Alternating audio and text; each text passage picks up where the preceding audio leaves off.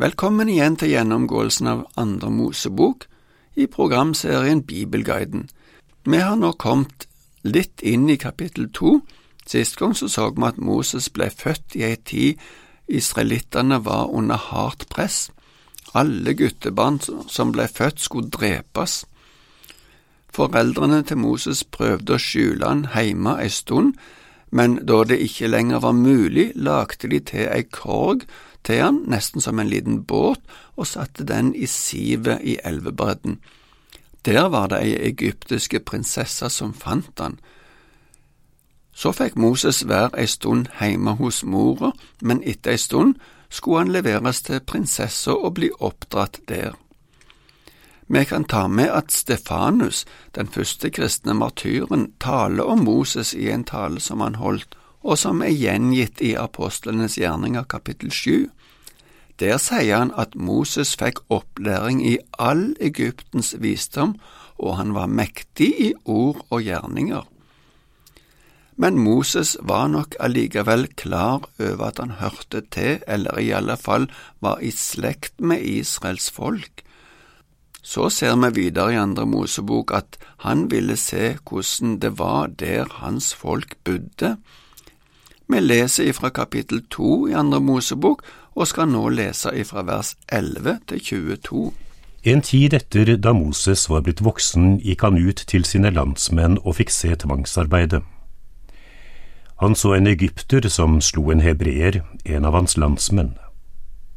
Moses så seg om til alle sider, og da han ikke så noen, slo han egypteren i hjel og gjemte ham i sanden. Dagen etter gikk han ut igjen. Da fikk han se to hebreere som slåss. Han sa til den som hadde skylden, Hvorfor slår du de neste? Mannen svarte, Hvem har satt deg til leder og dommer over oss? Tenker du å drepe meg slik du drepte egypteren? Da ble Moses redd og sa til seg selv, så er saken likevel blitt kjent. Da farao hørte om dette, prøvde han å få Moses drept. Men Moses flyktet fra farao. Han slo seg ned i landet Midian, der han bodde ved en brønn. Presten i Midian hadde sju døtre. De kom og dro opp vann og fylte trauene så farens småfe fikk drikke. Men det kom noen gjetere og jaget dem bort. Da grep Moses inn og hjalp dem, og han ga småfe deres vann. Da de kom hjem til Riuel, faren sin, spurte han, Hvorfor kommer dere så tidlig i dag? De svarte, En egypter berget oss fra gjeterne. Han dro også opp vann for oss og ga småfe å drikke. Hvor er han? spurte faren døtrene. Hvorfor gikk dere fra mannen? Hent ham så han kan få seg mat. Moses gikk med på bo hos mannen, og han ga Moses datteren Sippora til kone. Hun fødte en sønn, og Moses ga ham navnet Gershom, for jeg er blitt innflytter i et fremmed land, sa han. Moses gikk ut til sine landsmenn, leste vi. Han var nok klar over at han kom fra dette folket, selv om han nå var blitt en høytstående egypter. Han var opplært i både språk, ledelse, krigføring og mange andre kunnskaper som egyptiske ledere ble opplært i. I en annen oversettelse står det at han gikk ut for å se til sine brødre, men meningen er nok mer generell enn den nære familien. Moses var omtrent 40 år da han så hvordan det gikk med sine landsmenn. Han hadde levd i disiplin og luksus helt til nå, og imens har hans folk blitt undertrykt til tross for at han var i en overordnet stilling, forsto Moses at det ville ikke være lett for han å gripe inn på en lovlig måte da han så det som skjedde. Han ble revet med av opplevelsen av urett, og så slo han den egyptiske slavedriveren i hjel.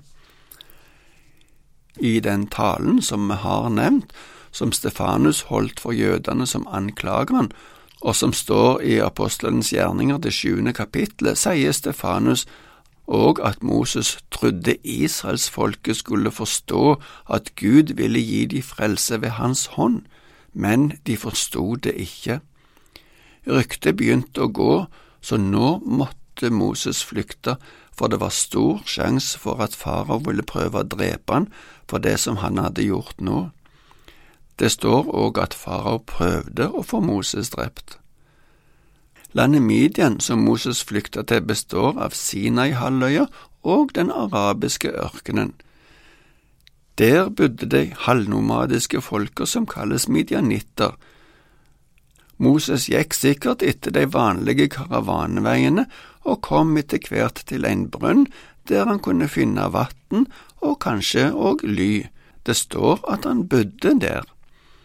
I Midian var det en prest som het Reuel, og som senere blir kalt Jetro. Videre står det at han hadde sju døtre. Disse døtrene kom til brønnen for å hente vann til småfe til faren. Det var nok de som gjette sauene, men så kom det noen andre gjetere, som sikkert var unge menn. De oppførte seg ekkelt mot døtrene til Reuel Moses hadde en rettferdighetssans som gjorde at han grep inn, selv om han godt kunne tenke at dette var noe han ikke hadde noen ting med. Han hjalp så disse kvinnene å gi vann til sauene. Etterpå gikk de hjem igjen, og faren undra seg over at de kom tilbake så tidlig. Det var sikkert vanlig at de ble forsinka på grunn av de andre gjeterne. De forklarte at det var en egypter som hadde hjulpet dem, og da spurte faren mer etter han og ba døtrene sine om å hente han. Han måtte jo få litt mat som takk for hjelpa. Det var nok et tilbud om mer enn mat. Vi ser av fortsettelsen at Moses aksepterte å bli buende der. Så fortelles det kort om hvordan det gikk videre. Han fikk ei av døtrene til presten til kone hun het Sipora, og etter ei stund så fikk de en sønn som han kalte for Gershom. Sipora betyr fugl, og Gershom betyr en fremmed der. Vi leser nå resten av kapittelet, det er versene 23 til 25. Lenge etter dette døde kongen i Egypt. Israelittene sukket og klaget over slavearbeidet, og skriket deres steg opp til Gud. Gud hørte hvordan de stønnet, og Gud husket sin pakt med Abraham, Isak og Jakob. Gud så til israelittene. Gud kjente dem. Det hadde nå gått lang tid. Vi kan se senere i Andre Mosebok at Moses var 80 år gammel da han kom tilbake til Egypt.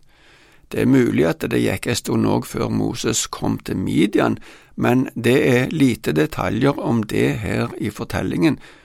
Det gikk i alle fall lang tid etter at han var kommet til Midian, før han fikk høre at nå var kongen i Egypt, eller farao, død.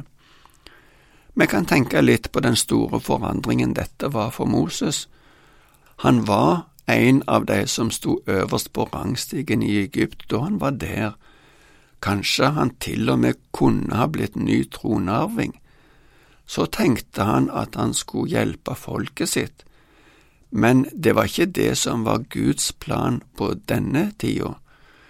I stedet måtte Moses forlate alt, han mistet alle privilegiene sine og ble flyktning i mange år.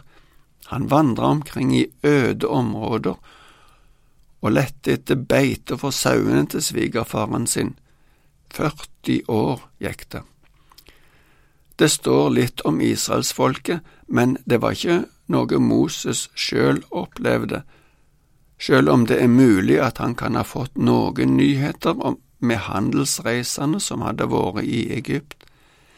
Men denne opplysningen er nok først og fremst lagt inn for å beskrive fortsettelsen om Gud som ser og hører, det kommer vi òg inn på i neste kapittel. Situasjonen for israelsfolket beskrives med veldig malende ord. De sukka og klaga over slavearbeidet, og de skreik til Gud. Videre står det at de stønna.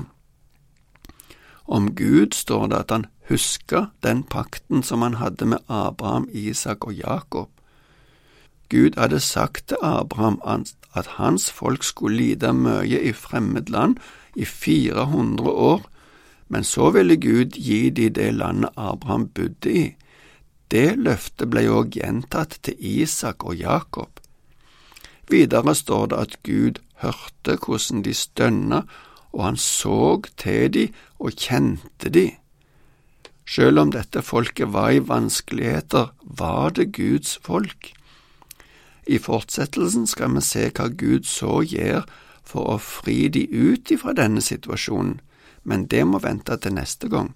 Takk for nå, og Herren være med deg.